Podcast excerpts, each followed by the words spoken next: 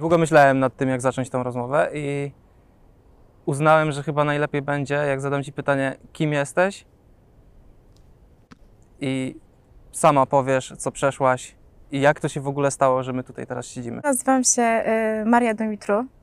E, Na pewno mnie wielu tutaj ludzi kojarzy z programu TVN Uwaga, z Dzień Dobry TVN. E, Głównym tutaj właśnie problemem właśnie jest y, sprawa związana z obywatelstwem. E, Na dzień dzisiejszy wszystko się udało. Obywatelstwo mam, także wszystko poszło do przodu. Jak to się stało, e, że Twoja sprawa została e, tak nagłośniona, bo jednak niespełna miesiąc temu praktycznie wszystkie większe media w Polsce mówiły o Twojej sprawie, o tym, że nie masz obywatelstwa, a od urodzenia mieszkasz w, mieszkasz w Polsce. Jak to w ogóle się stało? Zacznijmy od tego. Wiesz co, ja napisałam e, post na Facebooku odnośnie e, mojej krótkiej sytuacji. Napisałam krótko zwięźlenie na temat, e, że poszukuję swojej matki biologicznej, ponieważ nie mogę zdobyć żadnego obywatelstwa, że urodziłam się 28 października w Poznaniu, e, że moja mama w tamtym momencie myślałam, że mnie porzuciła i że proszę o pomoc. I faktycznie w ten sam dzień ten post został tak mocno odebrany, że na drugi, trzeci dzień od- odezwało się do mnie TVN Uwaga e, z propozycją po prostu współpracy. Z propozycją tak naprawdę e, z tym, że, że chcą mi wręcz pomóc. Urodziłaś się 99, czyli przez 22 lata e, żyłaś bez obywatelstwa. I dopiero w wieku 22 lat e, nagłośniłaś sprawę. W sensie uznałaś, że jest, jest to ci do czegoś potrzebne. Wiesz co, ja uznałam, że to jest, tylko, że to jest ostatnia deska ratunku, że, że nie, ma, nie ma innego wyjścia, że, że jeżeli, ja w tym, jeżeli ja nic nie zrobię w tym kierunku, to, to, nie, nie, to, to nie będę miała dokumentów do końca życia. A jak, jak to wyglądało wcześniej? Bo jednak urodziłaś się, żyłaś 22 lata, funkcjonowałaś jakoś, no jak wi- widać jesteś cała i zdrowa, także powiedz mi, jak to wygląda w Polsce, tak? Bo od urodzenia byłaś w Polsce i nie wyjeżdżałaś stąd. E, jak to wyglądało od samego początku, od, w dzieciństwie? Jak to wyglądało głównie w dzieciństwie? Tak jakbyśmy mogli się odnieść do reportażu, e, ja od razu po urodzeniu, po jakimś tam czasie zostałam przetransportowana do, do Gniezna, do domu małego dziecka. Mm, Tam byłam dwa i pół roczku. E, Wtedy odnalazła się rodzina zastępcza, która mnie wzięła do swojego domu. E, I, I po jakimś czasie okazało się, że e, ta rodzina nie może prawnie jakby w 100% w- decydować za mnie, tak? Dlatego, że nie ma dokumentów. Że mała Marysia nie ma pol- polskiego obywatelstwa, które jest tak naprawdę niezbędne, żeby na przykład wyjechać za granicę, tak? I tutaj zaczęły się schody, kiedy rodzina zastępcza próbowała złożyć wniosek do złożyć wniosek po prostu do państwa polskiego o nadanie obywatelstwa. E, Wtedy państwo polskie odniosło się do tego, że e, to, to ambasada Rumunii musi wyrazić zgodę. No i tu zaczęły się schody. A jak wyglądały te schody konkretnie? W sensie zgłosi, zgłosiliście się do ambasady Rumunii, tak? Tak. I, I co zostało wam powiedziane wtedy? Ambasada Rumunii e, przysłała pismo z odmową, że jeżeli rodzina zastępcza będzie dalej starała się o, o moje dokumenty, e, wtedy po prostu będzie repatriacja dziecka do kraju. Po prostu zastraszyli rodziców, że jeżeli będą dalej się starali, to, to po prostu dziecko zostanie deportowane. Moja rodzina wtedy się przestraszyła i, i absolutnie zaprzestała jakiegokolwiek kontaktu. E, dlatego, że się bali. Bali się, że, że no, dziecko, które ma 9 lat, wtedy miałam 9 lat, zostanie nagle zabrane z rodziny. Coś, coś strasznego. Ale na jakiej podstawie oni, oni odmówili e, wydania dokumentów? Przecież e, ty miałaś, tak, akt urodzenia ze szpitala e, i ten akt urodzenia e, został też wydany e, na podstawie dokumentów twojej biologicznej matki, tak? E, I co? I oni, oni nie uznawali tych dokumentów? Myślę, że y, oni po prostu y, nie chcieli brać odpowiedzialności. Nie chcieli brać odpo- odpowiedzialności, dokładnie. Czyli bali się tego, że ta sprawa może być zbyt głośna albo zbyt niewygodna w jakiś sposób dla nich? Jako dla Tak, ambasady? że, że po prostu jakby urzędnikom chodzi o to, że oni nie chcą, e, nie chce żaden człowiek odpowiadać za jakąś tam decyzję, póki no nie mamy jakichś tam faktów, tak, póki nie ma na to zgody. Tak naprawdę to, to moja matka powinna się odnaleźć i to ona wyrazić zgodę, więc żaden urzędnik nie będzie w stanie podjąć takiej decyzji, dlatego po prostu oni odmówili, odmówili to w taki grzeczny sposób po prostu, tak myślę. Zgłosiła się do ciebie uwaga, tak? Że chcą z tobą zrobić reportaż. Mhm. Mm, I ty uznałaś, że to będzie dla ciebie dobre, tak? Skonsultowałaś to z kimś, ktoś ci podpowiedział może, że... Wiesz co, e, pierwsze co zadzwoniła tak naprawdę uwaga, E, znaczy zadzwoniła uwaga, ja miałam po prostu kontakt e, do, do pani, do pani Joanny. E, I, taka, i to, to, to, to są jakieś tam koleżanki, te, te kobiety, które powiedziały mi, że to, to bardzo fajna osoba, to bardzo fajni, porządni ludzie e, i że na pewno oni mi pomogą, że mam się niczego nie obawiać. E, no i po pierwszych rozmowach faktycznie no czułam to, to, to, po prostu to się czuje, że faktycznie ktoś chce ci pomóc, że ludzie są dobrzy. No i myślę, że, że bardzo dobrze trafiłam, jeżeli chodzi o TVN Uwaga. I potem lawina, tak? Inne media zaczęły się odzywać. Yy, I jak? Pomogło, nie pomogło? To prawda, naprawdę wiele mediów się odezwało. Odezwał się Polsat, e, TVN Fakty, e, bardzo dużo tam osób, e, różne gazety tutaj lokalne. Aczkolwiek ja też nie chciałam robić za dużego rozgłosu, bo, bo to jest bez sensu. Bo nie chodziło o nie wiadomo jaki rozgłos, że potem nikt nie wiedział o co chodzi, tylko tak naprawdę, żeby, żeby pomóc, żeby, żeby w końcu zdobyć te dokumenty. Więc gdzieś tam moje nastawienie też od początku było takie, że e, zgłaszam się do jednej redakcji, robimy coś na 100%, a nie, nie chciałam brać po prostu wszystko wielkimi łyżkami. A czułaś, że jakieś media chcą w jakiś sposób wykorzystać twoją, twoją sprawę, Tak. twoją historię? Tak, tak. Tego się obawiałaś, tak? Że e, im będzie bardziej zależeć na klikach i na wyświetleniach, niż na tym, żeby faktycznie ci pomóc, tak? Wątpiłaś w ich szczere intencje. Tak, tak, bo tak, jest, jest właśnie. Właśnie o to chodzi, że dużo ludzi zgłasza się tylko i wyłącznie po to, żeby e, typowo pytają o historię, nie pytają się, czy faktycznie to coś tam, e, czy coś się zadziało, czy, czy jakieś tam sprawy prywatne.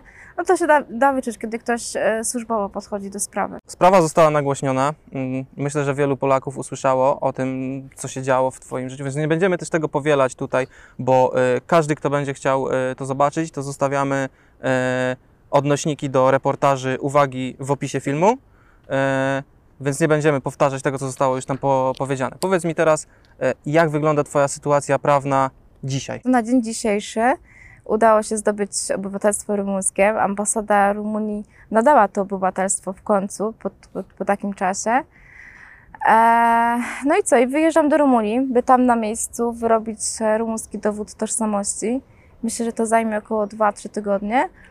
No i potem wrócę do Polski i tutaj będę starać się o polskie obywatelstwo. A jak to się stało, że nagle ambasada Rumunii e, zmieniła zdanie? Przecież przez 22 lata nie chcieli ci tego obywatelstwa wydać i nagle co? Nagle stwierdzili, że, że bez problemu je wydadzą? Tak, tak. To jest w ogóle absolutnie kuriozalne, że oni e, tak naprawdę po wypuszczeniu, bo to było jeszcze w dniu e, wypuszczenia pierwszego odcinka, także być może e, albo usłyszeli o tym, że sprawa się na pewno nagłośni, albo, przeczy, albo przeczytali po prostu lokalne gazety.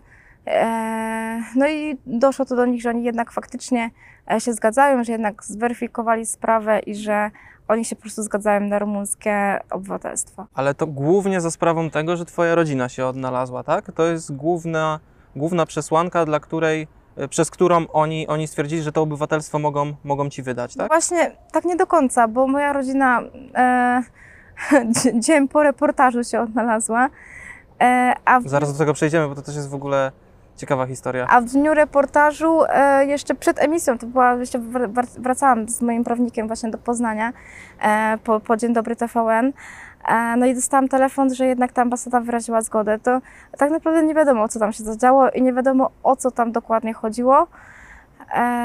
No być może właśnie o to, że nikt nie chciał brać odpowiedzialności właśnie za, za taką decyzję, nie? W reportażach było powiedziane, że e, ambasada Rumunii twierdziła, że dokumenty e, twojej biologicznej matki, które zostały w szpitalu, są sfałszowane, tak? I co? I nagle po 22 latach oni nie mają wątpliwości co do tych dokumentów? Nagle już się okazuje, że, że nie są sfałszowane? Tak, tak. W ogóle co jest, e, co jest najśmieszniejsze w tej całej sytuacji, to to, że ta rodzina bardzo często tutaj bywała w Polsce, w Poznaniu, tak? E, tak naprawdę teraz niedaleko mnie, bo to tylko dzieli nas dwa kilometry.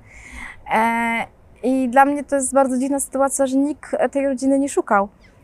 Że żadna jakby osoba nie była odpowiedzialna za to, żeby tą rodzinę poszukać, e, żeby się dowiedzieć. Jakby to wszystko zostało tak, tak e, rozpłynięte i nikt za to nie brał żadnej odpowiedzialności. Właśnie przejdźmy do twojej rodziny. Powiedz mi, jak to się stało, że, że nagle się odnalazła? I jak to się okazuje, oni mieszkali obok ciebie praktycznie przez ten cały okres i, i to niedaleko ciebie. Co ty czujesz w ogóle, jak, jakie to są emocje? Moja rodzina odnalazła się właśnie dzień po reportażu. E, zadzwonił do mnie, e, zadzwoniły do mnie panie z PCPR-u z, właśnie z taką informacją, że, że, mamy, że mają bardzo ważną informację, więc ja po prostu myślałam, że e, mam polskie obywatelstwo, wszystko już idzie w tym kierunku. No i dostaję telefon, że odnalazła się moja rodzina zastępcza. E, więc ja zaczęłam płakać, histeryzować. Po prostu były takie emocje, że już nie byłam w stanie dalej prowadzić tej rozmowy. I mówię, a, ale jak to, jak to się nazywa ta rodzina i tak dalej. I dostałam numer do, do, do, do jakiegoś pana, asystenta, który zna tą rodzinę. No jak się uspokoiłam, do tego pana, mówię dzień dobry, Domitru Maria z tej strony. No i w tle słyszę po prostu szloch tej kobiety. Tam słychać było, że tam jest jakaś rumunka i tak dalej. No i ten asystent mówi, pani Mario, jestem u, u pani rodziny, od- jest pani rodzina, jest tu mama, brat, wszyscy bracia. Więc ja byłam po prostu w szoku. E, I ja mówię, kurczę, ale, ale jak to możliwe? Jak, jak to się stało? E, no i szybko tam ta właśnie bratowa zaczęła, bo tylko ona umie mówić po polsku, zac- zaczęła opowiadać historię, jak to z ich strony wygląda. No i uwierzyłam w tą historię. Nie miałam żadnych wątpliwości, że Czy nie wydało się tobie dziwne to, że przez 22 lata oni cię nie próbowali szukać? Absolutnie to nie wydaje mi się dziwne. W ogóle sytuacja jest tak, tu, tu wiele czynników, wiesz, wchodzi na tą całą sytuację.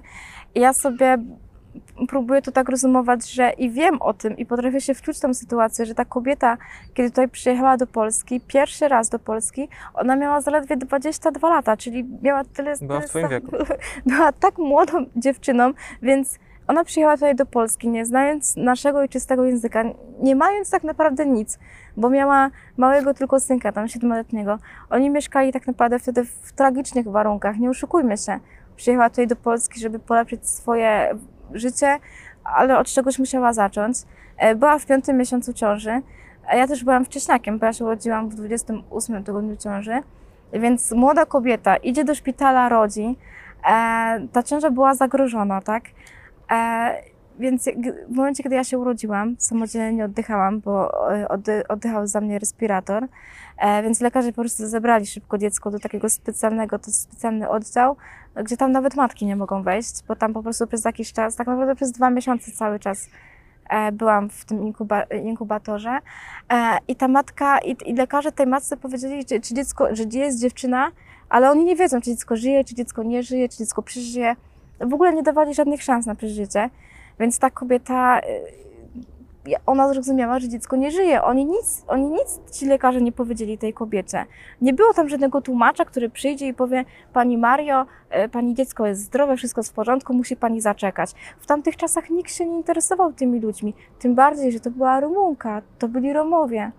Wtedy był, była ogromna nietolerancja e, wobec e, te, tej e, etnicznej grupy ludzi. I, I ta kobieta w momencie, kiedy już ona wyszła z tego szpitala i poszła na drugi dzień, żeby zapukać i zapytać się, co się stało z jej dzieckiem, czy dziecko żyje, czy nie żyje, to, to e, lekarz wezwał e, policję, więc ta kobieta wtedy uciekła, przestraszyła się.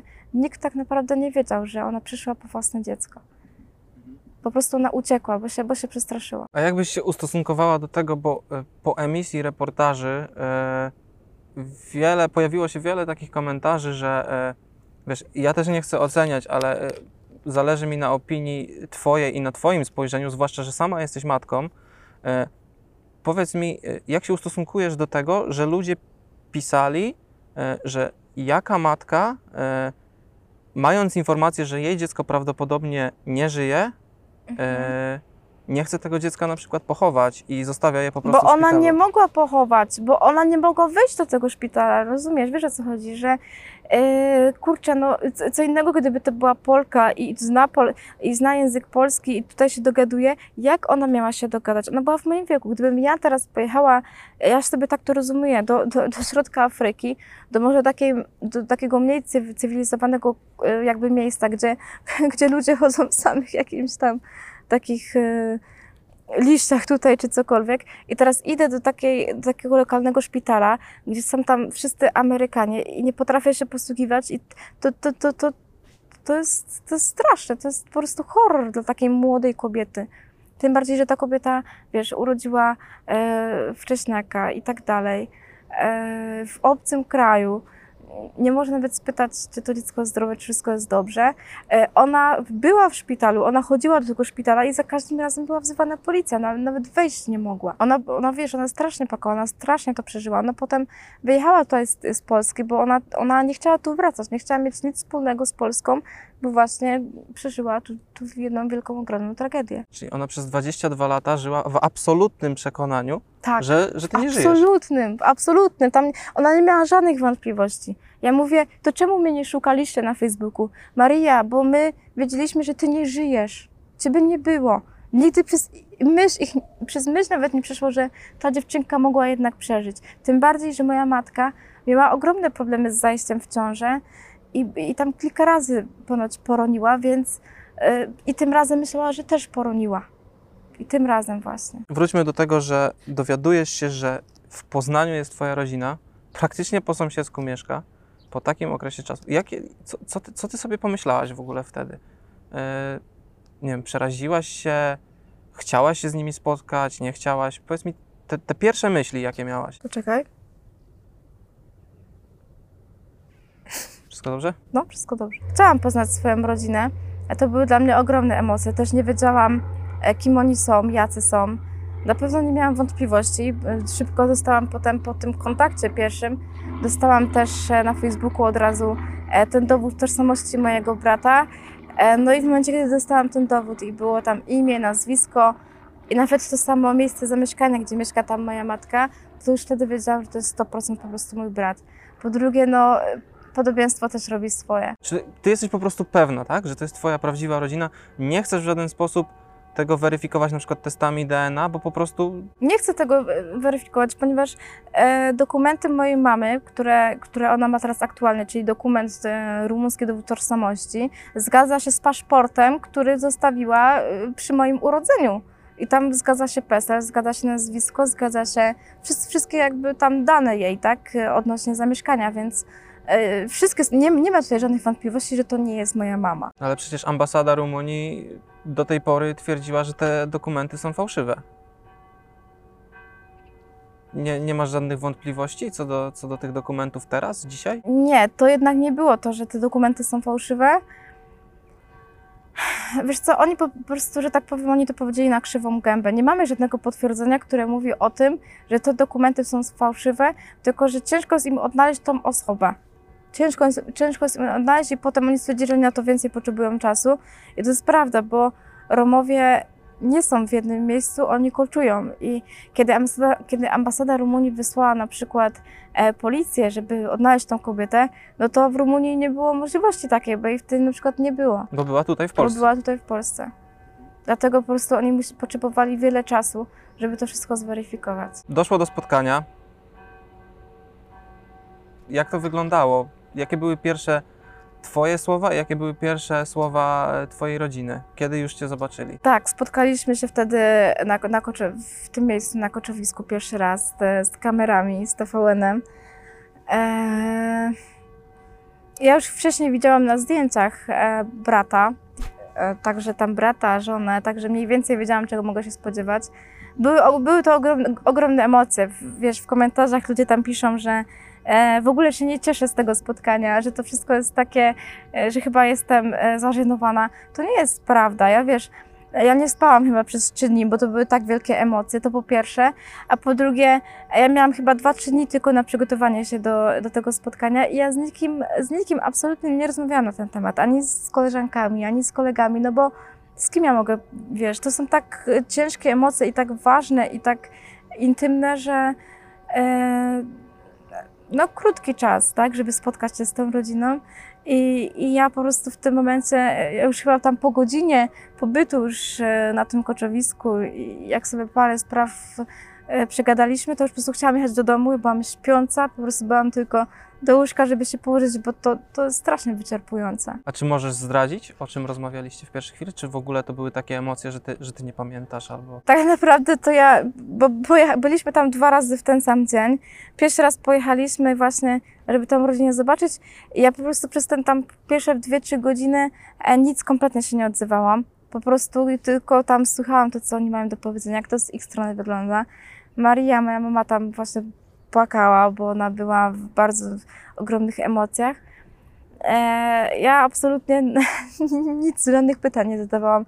Dopiero jak później przyjechaliśmy sobie już e, prywatnie, nie z kamerami, żeby trochę już tak porozmawiać, to wtedy tak, to wtedy sobie tam porozmawialiśmy trochę o tej kulturze romskiej, o tym, czym się zajmują, co robią, jak to wygląda wszystko. Powiedziałaś o e, swojej biologicznej matce. Moja mama. E, czy ty ją traktujesz tak jak mamę, a nie matkę? Wiesz, wiesz, co mam na myśli? Czy po 22 latach, kiedy się z nią nie widziałaś, e, no jakby, czy, czy, ty, czy to jest dla ciebie naturalne, że ty, że ty mówisz o niej mama? Na, na początku byłam absolut, absolutnie negatywnie nastawiona do tego, żeby mówić e, do tej kobiety mama, bo jednak uważam, twierdziłam, że to nie jest moja mama, przecież to jest jakaś obca kobieta. E, takie były moje pierwsze emocje, to faktycznie, e, nie ukrywam tego, ale powiem Ci szczerze, że właśnie e, kiedy nasz kontakt się polepszył, kiedy nawiązaliśmy już jakąś relację, e, ja się z nimi spotkałam potem dwa, trzy razy, e, czy tam na koczowisku zostałam zaproszona na jakąś tam kawę czy herbatę, no to z tą Marynią troszkę więcej już sobie porozmawiałyśmy, bez kamer, bez towarzystwa. E, i, I tak w zasadzie do dnia dzisiejszego Maria do mnie potrafi tam zadzwonić na Facebooka. Wiadomo, że tam nie bardzo po polsku, że tam tylko parę słówek zamienimy, e, ale ten czuję, że mm, to jest kobieta, która mnie urodziła. E, nie mówię jakby oficjalnie mama, ale wobec niej mówię do niej Maria. Maria. Nie chciałabym już używać słowa kobieta, która mnie urodziła, no bo Bo w reportażu padły takie słowa, mm, być może niefortunnie przez ciebie sformułowane, yy, ale zostałaś zapytana o to, jak oceniasz warunki, w których oni żyją. Yy, I ty odpowiedziałaś coś w stylu, no sam pan widzi, tak? Yy, powiedz mi, yy, jak się do tego ustosunkujesz teraz, już patrząc z boku po emisji reportażu? Bo wiem, że dużo ludzi zarzuciło ci, że, mm, że oni żyją biednie i że tobie to nie odpowiada i że takiej rodziny nie chcesz. Tak, tak twierdzili ludzie. to wszystko, co zobaczyłam w tamtym dniu, to były, to były ogromne emocje i kiedy my przyjechaliśmy potem na szybko do, do domu, rozstawiliśmy sprzęt i, i zaczęłam z, rozmawiać e, z dziennikarzem, e, to, to, to, to, było pierwsze, co mi się nasunęło e, w ogóle na myśl. Ale to, to, to nie było tak faktycznie, że ja, to- że ja to czuję. No, pierwszy raz tak naprawdę zobaczyłam, że zupełnie inny świat, bo tak naprawdę wchodząc na koczowisko widzimy kawałek kawałek Rumunii, kawałek tak naprawdę świata, jak żyją tacy ludzie. I to zupełnie różni się od, od naszej polskiej cywilizacji i na przykład od tego zupełności, jak ja żyję, więc ja to musiałam sobie w głowie przerobić to, że tak w ogóle można żyć, e, że, że, że na przykład po prąd chodzi się na, y, tak, na stację po agregator i po prostu tak, tak ludzie funkcjonują. E, I na dzień dzisiejszy potrafię to zaakceptować. To nie jest dla mnie e, tak, że, ja, y, y, że, że tych ludzi oceniam i tak dalej, aczkolwiek jestem e, wdzięczna losowi, że mogłam poznać jednak kulturę polską i tutaj się wychować, e, jednak zaznać tej polskości, bo chyba jednak no, nie chciałabym tak żyć. To jest na takiej zasadzie. Czyli podchodzisz do tego na takiej zasadzie, że jednak chcesz z nimi mieć kontakt, ale nie chcesz, y, nie chcesz żyć w taki sposób jak oni, tak? jakby bardzo ciężko jest na taką skalę się n- jakby przewrócić o, o 360 stopni. E, I teraz nie wyobrażam sobie, mając 22 lata, e, czym na przykład poznała jakiegoś e, romskiego chłopaka, tak naprawdę ja bym musiała zmienić całe swoje życie. Bo gdybym miała wejść na przykład w taką już rela- relację, musiałabym się dostosować. I tak jak te kobiety chodzą w chustach, chodzą w sukniach, są tak naprawdę dostosowane do, e, do tych zasad i reguł, bo to, to, bo to są te, to oni są ortodoksjami, czyli typowo przestrzegają swoich zasad i reguł.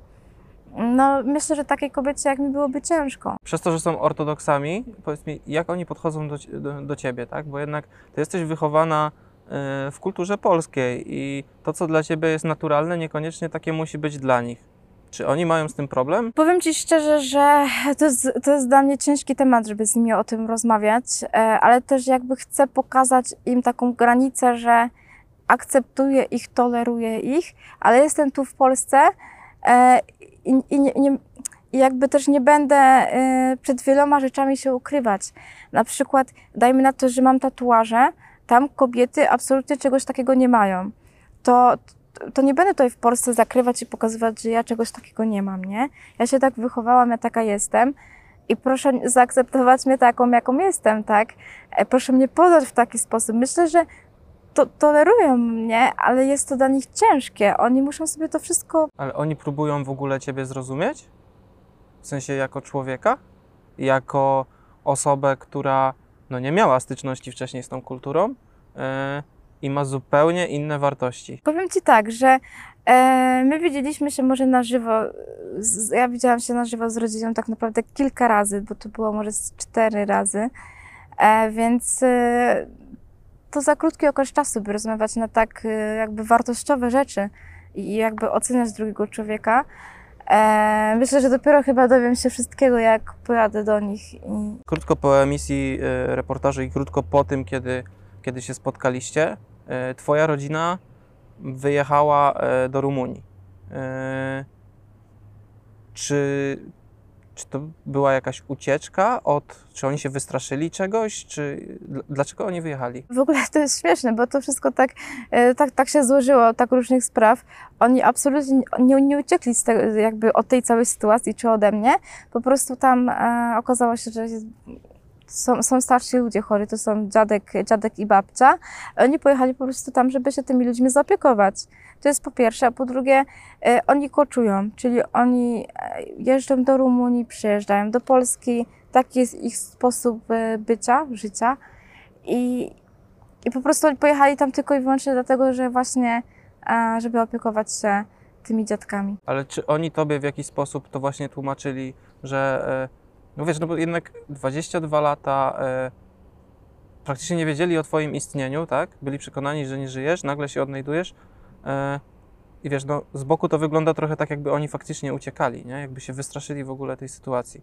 E, czy, nie, czy ty nie masz takiego poczucia, czy nie traktujesz tego, że oni, bo, bo to rozumiem, oni ci bezpośrednio to powiedzieli, tak? Że e, jest rodzina chora w Rumunii i dlatego wyjeżdżają, tak? Tak, a zresztą wiedziałam z nimi cały czas kontakt, e, tak naprawdę na Whatsappie, e, wideo i także widziałam tego dziadka, że on faktycznie był w szpitalu, oni się bardzo martwili i ta babcia też takie mieli łóżko i ta babcia taka schorowana leżała, także oni po prostu musieli tam pojechać, żeby się opiekować po prostu tymi ludźmi, a Romowy mają tak, że tam jest jeden za wszystkich, wszyscy za jednego, więc jeżeli ktoś jest chory, to cała rodzina się pakuje i jedzie po prostu, żeby tylko być przy tym chorym człowieku. A przede wszystkim, jeżeli ktoś jest chory, to już w ogóle cała rodzina, jakby oni tam, bratowa z, z całą rodziną się zmieniają, żeby tylko wszyscy się mogli opiekować tą chorą osobą. Czyli wasz kontakt teraz odbywa się głównie przez, przez y, komunikatory, przez Tak internet, przez telefon.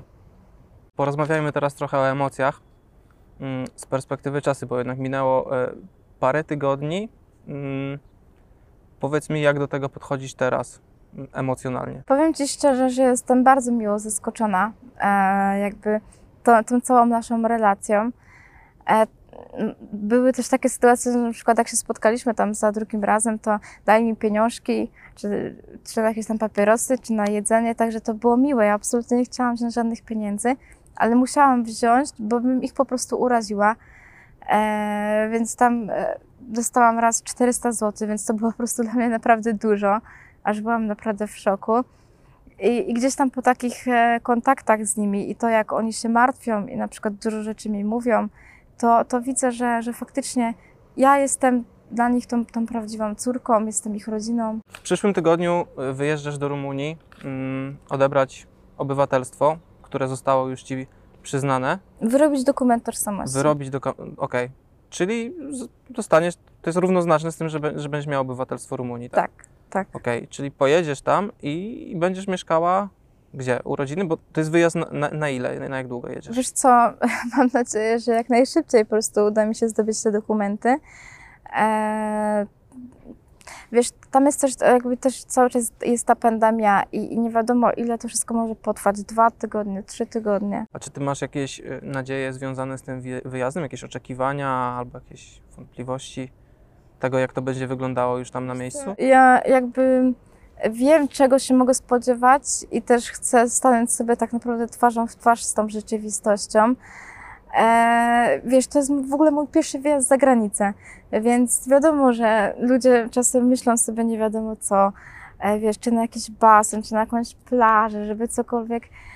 No niestety jadę trochę w inne tereny i muszę o tym pamiętać i też się nie nastawać na, e, czy tam, to nie jest tak, że opojadę do jakiejś wielkiej galerii, coś tam. To jest e, mała mieścina, to jest miasto Blaziel, w którym tam wszyscy po prostu są, e, wszyscy mieszkają Romowie, e, czyli nie, nie Rumuni, tylko Romowie. To, to, to, jest, to też troszkę jakby odrębna e, grupa etniczna też ludzi. E, no i tam troszkę są inne zasady, więc na pewno o tym muszę pamiętać. Rumuni nie lubią się z, z Romami, tak? Nie są akceptowani za bardzo Romowie. To sprawia, że, że, że ty się czegoś też obawiasz, czy... Wiesz, e, myślę, że, że będę potrafiła się do wszystkiego dostosować. Troszkę gdzieś tam, nie że krępuję, to dla mnie będzie nowość, jeżeli faktycznie będę musiała chodzić w tej chuście, czy w długich sukniach, e, tych wszystkich ich romskich, e, to będzie dla mnie nowa nowość, aczkolwiek będę też u nich, więc po prostu mam nadzieję, że się do tego szybko przyzwyczaję. Jak to jest żyć przez 22 lata poza systemem praktycznie? Czy ty dostrzegasz w ogóle jakieś plusy, czy, czy same minusy? Bo wiesz, niektórzy twierdzą, że to wiesz, że to jest, że to jest spoko, bo nie trzeba płacić podatków i tak dalej. Jakby. Czy, wiesz, no teraz żartuję, ale no, czy, to, czy to odcisnęło na tobie jakieś piętno? Czy ty czujesz, że e, wchodząc teraz w dorosłe życie, takie już naprawdę dorosłe, no bo masz 22 lata, e, czy to się jakoś na tobie odbija? nie mając dokumentów, tak naprawdę nie, nie istniejesz w świetle prawa, więc mm, nie mogę podjąć legalnej pracy, nie mogę e, wynająć mieszkania, nie mogę iść, nie jestem ubezpieczona, więc nie mogę iść do lekarza. E, za każdą wizytę muszę prywatnie płacić. E, no jakby nie obejmuje mnie nic, e, cze, czego może obejmować e, normalny obywatel, czyli na przykład e, sprawy związane z prawem jazdy, z dofinansowaniami, tak, czy jakieś socjalne, rodzinne i tak dalej, e, no niestety nie mogę się ubiegać o żadne e, dobrodziejstwa, ponieważ no, nie mam obywatelstwa polskiego. Tu już nie chodzi o dokumenty, tylko po prostu typowo obywatelstwo polskie. Jesteś też matką. Mm.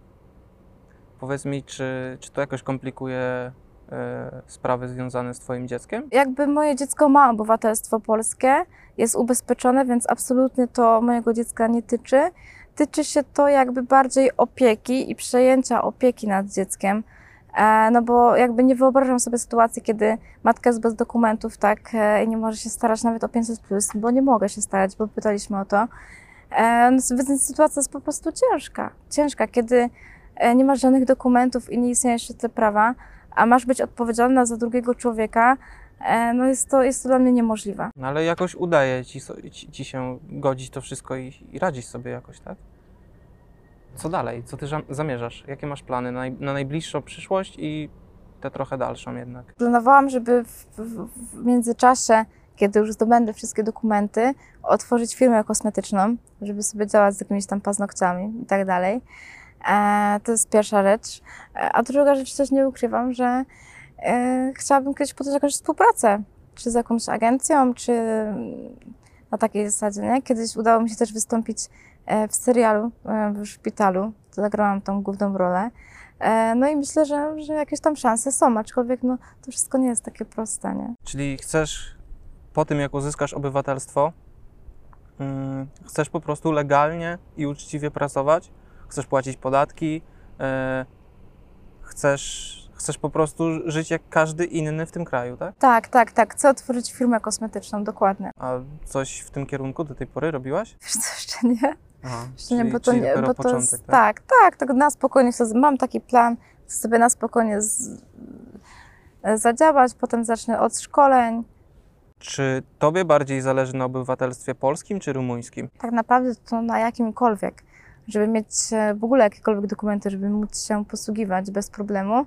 No ale okazuje się, że będę miała i rumuńskie dokumenty, i polskie, także mm, podwójne szczęście. Ale polskie dopiero kiedy otrzymasz Tak, rumuńskie, Tak, tak. Ja rozmawiałem z Twoim prawnikiem i Twój prawnik powiedział mi, że y, okazało się, że Maria miała obywatelstwo rumuńskie od urodzenia ze względu na pochodzenie jej rodziców. Ty miałaś obywatelstwo od urodzenia, a o tym nie wiedziałaś. Gdzieś tam wiedzieliśmy o tym formalnie, że skoro matka ma obywatelstwo rumuńskie, to y, mieliśmy na tej podstawie właśnie ubiegać się o rumuńskie obywatelstwo. Tylko wydaje mi się, że tam po prostu ambasada Rumunii zrobiła błąd. Urzędnicy, którzy nie chcieli właśnie brać odpowiedzialności. A jakie są Twoje marzenia, kiedy już to wszystko się skończy? Ten, no nie wiem, czy Ty patrzysz na to kategoriami, czy to był dla Ciebie koszmar, czy nie. Ja ci powiem szczerze, że ja właśnie ostatnio zaczęłam się nad tym zastanawiać, że jest mi przykro, wręcz wiesz, zaczęłam płakać, że to w tak szybkim tempie mój taki cel w życiu odnalezienia tej rodziny i dążenia do, do takiej prawdy, poznania tak naprawdę autentyczności i tego, kim naprawdę jestem, to wszystko, to wszystko stało się w wieku 22 lat, że, że ja dopiero, dopiero chciałam powoli zacząć odnajdywać tą rodzinę i, i gdzieś tam a to wszystko się tak przy, w całym tempie y, stało, że nagle mi się ten cel skończył, że tak powiem. Mm, No i teraz zobaczymy, co będzie dalej. Na pewno chciałabym do czegoś dążyć, mieć taką motywację. Myślę, że jestem takim człowiekiem, że jeżeli mam, mam już jakiś cel, mam motywację, to, to niezmiernie do niego dążę. Czy masz do kogoś żal, jakieś pretensje? Ktoś Ci utrudniał do tej pory funkcjonowanie? Ktoś Ci... A może ktoś, ktoś Ci pomagał, ktoś był życzliwy? Może zacznijmy od tego, kto, e, kto właśnie mi pomagał. I tak, było wiele osób, które pomagały mi, e, z, czy złożyć wnioski, na pewno dowiadywać się, gdzie mamy uderzać, do kogo mamy dzwonić. E, No, są też osoby, które w tym kierunku nic raczej nie zrobiły, nie? Ja nie mam pretensji, nie chciałabym oceniać kogoś e, na podstawie, kto czego zrobił, czy ktoś czegoś nie zrobił, tylko ja raczej cieszę się, że jest jak jest, że doszłam w końcu do takiego etapu, że, że jednak ta sprawa została gdzieś tam rozwiązana. A czy Ty kiedykolwiek e, byłaś w Polsce, czy w Polsce spotkało Cię... E, czy spotkałaś się w Polsce z rasizmem? Czy, czy ktoś kiedykolwiek, nie wiem... E, w jakiś sposób cię obrażał, bo masz inne rysy twarzy albo cokolwiek? Jako male, maleńkie dziecko, kiedy chodziłam do przedszkola czy e, do, do podstawowej szkoły, e, wtedy te dzieci tak, tak, często mnie wyzywały, te, które mnie nie znały właśnie. E, Często mnie wyzywały od murzynki, że jestem murzynką, jestem czarna. Często chłopacy też, jak miałam takie z 9-8 lat, to chłopacy byli w takim wieku, że a, bo ona jest czarna i często mnie wyzywali. Wtedy bardzo mocno płakałam. E, No ale potem to wszystko się zmieniało i potem szło raczej w tą drugą stronę, że im bardziej jest, się wyróżniasz, to tym bardziej jesteś po prostu tutaj atrakcyjna. E, ale no, nie ukrywam, że w dzisiejszych czasach czasem wiadomo, że to nie jest takie wprost, bo ty jesteś inna, więc jesteś gorsza, ale y, odczuwam, na pewno odczuwam delikatnie, że Wcześniej pytałem Cię o to, czy masz do kogoś pretensje i żal, e, bo chciałbym, żebyśmy teraz porozmawiali o tym, e, czy Ty zamierzasz e, domagać się od państwa polskiego, myślę, że głównie polskiego, jakiegoś odszkodowania po tym wszystkim? wydaje mi się, że nawet nie byłabym w stanie domagać się o, jakieś, o jakiekolwiek odszkodowanie, ponieważ nie mamy tak naprawdę kogo wskazać, żadnej ani jednej osoby czy jednostki nie możemy wskazać, która była za to odpowiedzialna. Uważam, że szereg osób e, moglibyśmy tutaj wymieniać, które nie dopilnowały czegoś, nie dopatrzyły czegoś, więc wydaje mi się, że to jest wręcz, wręcz niemożliwe, że teraz mamy e, ciągnąć e, kogoś za odpowiedzialność, kto tak naprawdę już albo nie istnieje, albo nie funkcjonuje w danej sferze, więc e, byłoby to na, pewno bardzo ciężkie, aczkolwiek chyba w tym wszystkim tylko ten chyba jeden problem największy do, mm, do szpitala, że w, tam, że w tamtych czasach jakby obowiązkiem szpitala było przede wszystkim e, znalezienie tej kobiety, e, poinformowanie jej, że dziecko jednak żyje, że proszę się, proszę się zgłosić tak, do szpitala. E, Jeżeli ta kobieta by nie miała żadnych warunków, tak, bo, bo mieszkała jak mieszkała, to obowiązkiem szpitala jest zawiadomić sąd, tak, i wtedy sąd podejmuje jakiekolwiek działania, żeby tej matce przekazać takie informacje, tak, wziąć kuratora sądowego, tłumacza i powiedzieć tej kobiecie, Pani Mario, nie ma Pani warunków, to dziecko pójdzie do domu dziecka, ale ma Pani takie, takie czy takie prawa do tego dziecka. Ta kobieta nie miała żadnych praw, była tu, było tu totalne po prostu bezprawie. Przyjechała do Polski, tak naprawdę państwo polskie ukradło jej dziecko.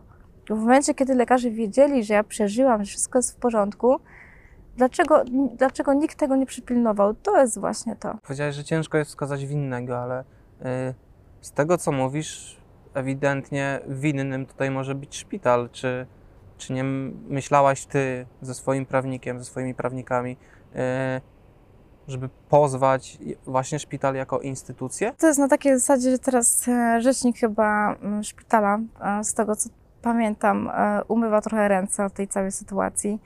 E, Nie chcę o tym rozmawiać.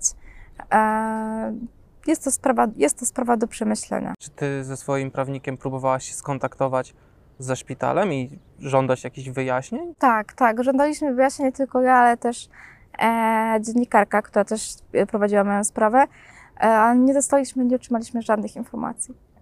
Dlaczego tak się stało? Dlaczego nikt nie poinformował tej kobiety, nie? Czyli sprawa odszkodowania jest na chwilę obecną Wstrzymana. wstrzymana i na razie w ogóle o tym nie myślisz, tak? Tu jakby wiele czynników się, się jakby składało na, na tą sytuację, bo też y, było, może było tak, e, że po prostu szpital sprzedał dziecko. To jest poważny zarzut, który teraz, teraz formułujesz. Czy czy jakby zdajesz sobie z tego sprawę, że jeżeli pojawi się e, taki zarzut skierowany bezpośrednio w stronę szpitala, e, oni mo- mogą wręcz. Możesz ty mieć problemy, a de facto ty tu jesteś ofiarą. To nie jest osąd, ja nie rzucam jakby samosądu, że wy tak zrobiliście, tylko też y, gdzieś tam wiem, jakie były czasy i, i znam też ludzi, którzy, którzy mi bardzo dużo op- opowiadali o tym, jak było w tamtych czasach. E, I absolutnie nie zarzucam tego, ale po prostu być może e, nie mam do nikogo pretensji. Ja uważam, że po prostu tak musiało być, że wszystko to, co przeszłam w życiu, to, to, to było jakby przeznaczenie. E, ale absolutnie nie wykluczam tego, że państwo polskie po prostu ukradło dziecko Rumunce, bo wiedzieli, że na przykład ta Rumunka, wiedz- wiedzieli jaka, jaka jest sytuacja, kiedy Rumunka przychodzi tutaj do szpitala, że większość nie ma tutaj warunków i że dzieci potem żyją na ulicy i jak żyją. No i być może po prostu szpital miał gdzieś tą Rumunkę i po prostu zabrał i dlatego nie interesowali się i potem sprzedali do odpowiednich organów. Na koniec chciałbym Ci zadać, e, myślę, że trudne pytanie i nie oczekuję od Ciebie odpowiedzi. E, powiedz mi, czy Ty po tym wszystkim, widząc to, co, to, co zobaczyłaś, e, czy Ty mm, uważasz, że to, co wydarzyło się w Twoim życiu, jest lepsze od tego, co mogło się wydarzyć w Twoim życiu, gdybyś od momentu narodzin była z tą rodziną, która teraz się odnalazła?